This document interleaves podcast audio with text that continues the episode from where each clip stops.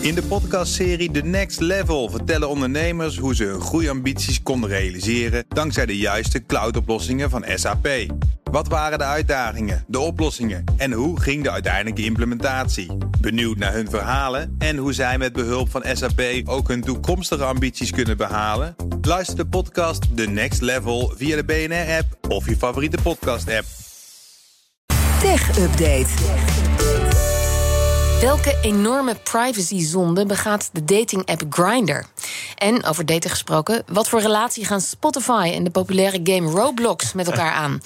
Nou, dat weet eh, onze tech-redacteur Joe van Buurik. Hey, Hi, Lisbeth. Hi, en Kees. Eerst even dit, daarna daten. Onze Ja. medische dossiers moeten in de hele EU digitaal toegankelijk zijn. Ja, dat heeft de Europese Commissie vandaag bekendgemaakt. Zodat ook als je op reis bent en zorg nodig hebt bij elke zorginstantie in elk land in de EU, eh, dus bij je gegevens kan.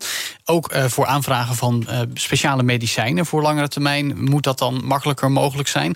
Ehm, maar ja, Burgers moeten daarmee ook nog eens zelf toegang gaan krijgen tot hun medische gegevens en aanpassingen kunnen aanvragen. Dus het gaat om een heel pakket. En volgens Eurocommissaris Stella Kyriakides zal het levens redden en ons veiliger laten voelen. Oké, ik ben nog niet helemaal overtuigd. Mm. willen ze nog meer met die gegevens gaan doen? Nou, daar wordt het dus interessant, want er is ook voorgesteld om medische databanken beschikbaar te maken voor zorgverleners en wetenschappers.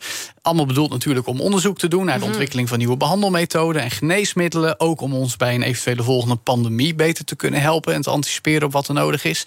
Maar ja, je voelt hem al aankomen. Dat kan natuurlijk leiden tot privacybezwaren. Nou, medisch patiënten, of digitaal patiëntendossier is natuurlijk jarenlang al een heet hangijzer, ook in Nederland vaak geweest. En je kan eigenlijk al uittellen dat eh, verschillende politieke partijen in diverse landen het hier niet zomaar mee eens zullen zijn. Nee, want ik vraag me nu meteen af, als ik dan weet dat mijn dossier in Nederland goed bewaakt wordt. Mhm. Ja, niemand kan mij vertellen dat in Portugal even, even goede checks en balances op de privacy zitten. Nou ja, dan heb je het nog over Portugal. Maar wat te denken als je naar Polen of Hongarije gaat, waar toch een iets Ja, andere politieke wind waait. wind waait Ja. dan in Nederland, dan weet je niet eh, wat daar eh, precies mee Nee, gebeurt en, eh, volgens en die wet. hoe wil Brussel dan die bezwaren ondervangen? Nou, dat is nog niet helemaal duidelijk, maar er is in ieder geval voorgesteld door de commissie dat er twee gescheiden databeheersystemen moeten komen. Eén daarvan is echt voor wetenschappelijk gebruik, de andere voor burgers. Eh, we hebben natuurlijk ook gewoon Europese wetten waarmee eh, de gegevens van onze burgers volledig beschermd moeten zijn. Maar de timing is ook best ambitieus, want in 2025 moet dit allemaal opgetuigd zijn en werken. Dat klinkt lang, maar gezien de enorme belangen die hierbij eh, hand in hand gaan, gezien de privacy van onze medische wetenschap of onze medische gegevens, is dat best wel snel. Dan, gegevens van miljoenen Grindr-gebruikers zijn jarenlang illegaal verhandeld. Ja, Grindr, de populaire dating-app, vooral binnen de LHBTQU gemeenschap. In een best wel heftig verhaal van de Wall Street Journal wordt beschreven dat informatie van gebruikers, en dan vooral hun locatie, jarenlang is verhandeld voor de verkoop van advertenties. En het gaat dan dus niet om persoonsgegevens, geen namen en eh, voorkeuren, maar wel dus waar je geweest bent. En met een beetje puzzelwerk kun je daarmee al herleiden wie ergens woont, werkt en geweest is. En dus ook als er bijvoorbeeld meerdere telefoons met allebei een account een tijdje op dezelfde plek waren, wie er met elkaar gedate hebben.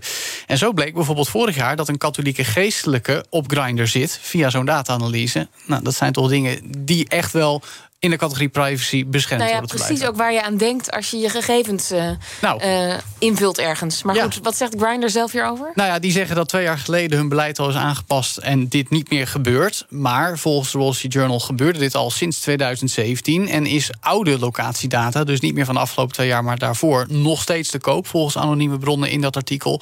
En het is extra kwalijk omdat Grindr ook actief is in landen waar homo- en biseksualiteit strafbaar zijn.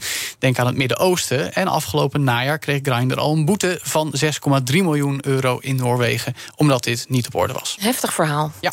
Dan nog dit. Spotify gaat samenwerken met de populaire jeugdgame Roblox. De zelfbenoemde Metaverse game, waarin spelers zelf virtuele werelden bouwen en om daar lekker in te spelen. Volgens schattingen inmiddels al gemiddeld zo'n 45 miljoen spelers per dag. Waaronder volgens mij jouw kinderen, toch ik Liesbeth? zie het wel. Ik heb het vaak op het scherm voorbij Ja. Ja, ik, heb- ik heb geen idee welk spel dit is. Nee, dat, Nee. nou ja, Lekker bouwen. Ah, Liesbeth, jij ziet het gespeeld worden. Wat Ja. vind je ervan in het kort? Eh, nou, beter dan, dan eh, games waar je bij elkaar eh, overhoop kunt schieten. Dus wa- geen Fortnite liever, maar wel Roblox. ja, een Fortnite is dan nog een soort, soort, ja, soort strip eigenlijk. Oké. Nee, goed. Geen Call of Duty bedoel Ja. ik. Jij wil geen oorlog. Maar goed. Nou ja, Roblox is dus eh, virtuele werelden bouwen en bezoeken. Nou, nu is er dan een samenwerking met Spotify. Dat heeft een eigen virtueel eiland gelanceerd. Waar fans en muziekartiesten elkaar kunnen ontmoeten. Je kan er zelf samen muziek maken en opnemen.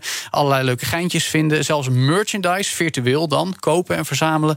En er wordt vooral samengewerkt met K-pop artiesten. Dus Ko- Koreaanse popmuziek. Die op Spotify bij een bepaalde gamerdoelgroep en ook bij de jeugd heel erg geliefd is. Ja, maar Roblox is best populair bij basisschoolleeftijd, Ja, ongeveer. ja, begin middelbare school ook wel. Ja, zo, maar niet veel ouder. Dus Nee. het is vooral een jeugdding. Ja, eigenlijk wel. Klopt. Eh, overigens zijn er ook een hoop dingen mis met Roblox. Eh, verschillende eh, onderzoeken de afgelopen tijd geweest, ook van BBC, eh, qua eh, nou ja, eh, grensoverschrijdende content, laat ik zo dan. zeggen, zonder toezicht en Lekker dan, moderatie. hey. Maar goed, los daarvan, het is wel heel populair. Nou, we noemden Fortnite al, we noemden Minecraft al, dat is een grote concurrent. Maar ook Lego komt vandaag met nieuws. Hebben we het natuurlijk bij uitstek over de combinatie van bouwen en spelen, maar ook virtueel. Want Lego wil de komende jaren honderden miljoenen euro's investeren in meer software bouwen. Dat heeft de CEO gezegd tegen de Financial Times. Ze willen van eh, 600 naar 1800 softwareontwikkelaars bij hun studio's in Kopenhagen, Londen en Shanghai. Ze bouwen nu al verschillende applicaties en ook games. De afgelopen 20 jaar zijn er verschillende Lego videogames geweest van andere studio's. Maar Lego is nu heel erg aan het inzetten op die virtuele eh, eh, vermaken. Want ook eh, onlangs werd er 1 miljard dollar geïnvesteerd in Epic Games. En die maken Fortnite. Dus Lego wil een serieuze speler worden in het metaverse wat dat betreft. Dankjewel, Joe van Buurik. De BNR Tech Update wordt mede mogelijk gemaakt door Lenklen. Lenklen. Betrokken expertise, gedreven resultaat. In de podcastserie The Next Level vertellen ondernemers hoe ze hun groeiambities konden realiseren dankzij de juiste cloudoplossingen van SAP. Wat waren de uitdagingen, de oplossingen en hoe ging de uiteindelijke implementatie? Benieuwd naar hun verhalen en hoe zij met behulp van SAP ook hun toekomstige ambities kunnen behalen? Luister de podcast The Next Level via de BNR-app of je favoriete podcast-app.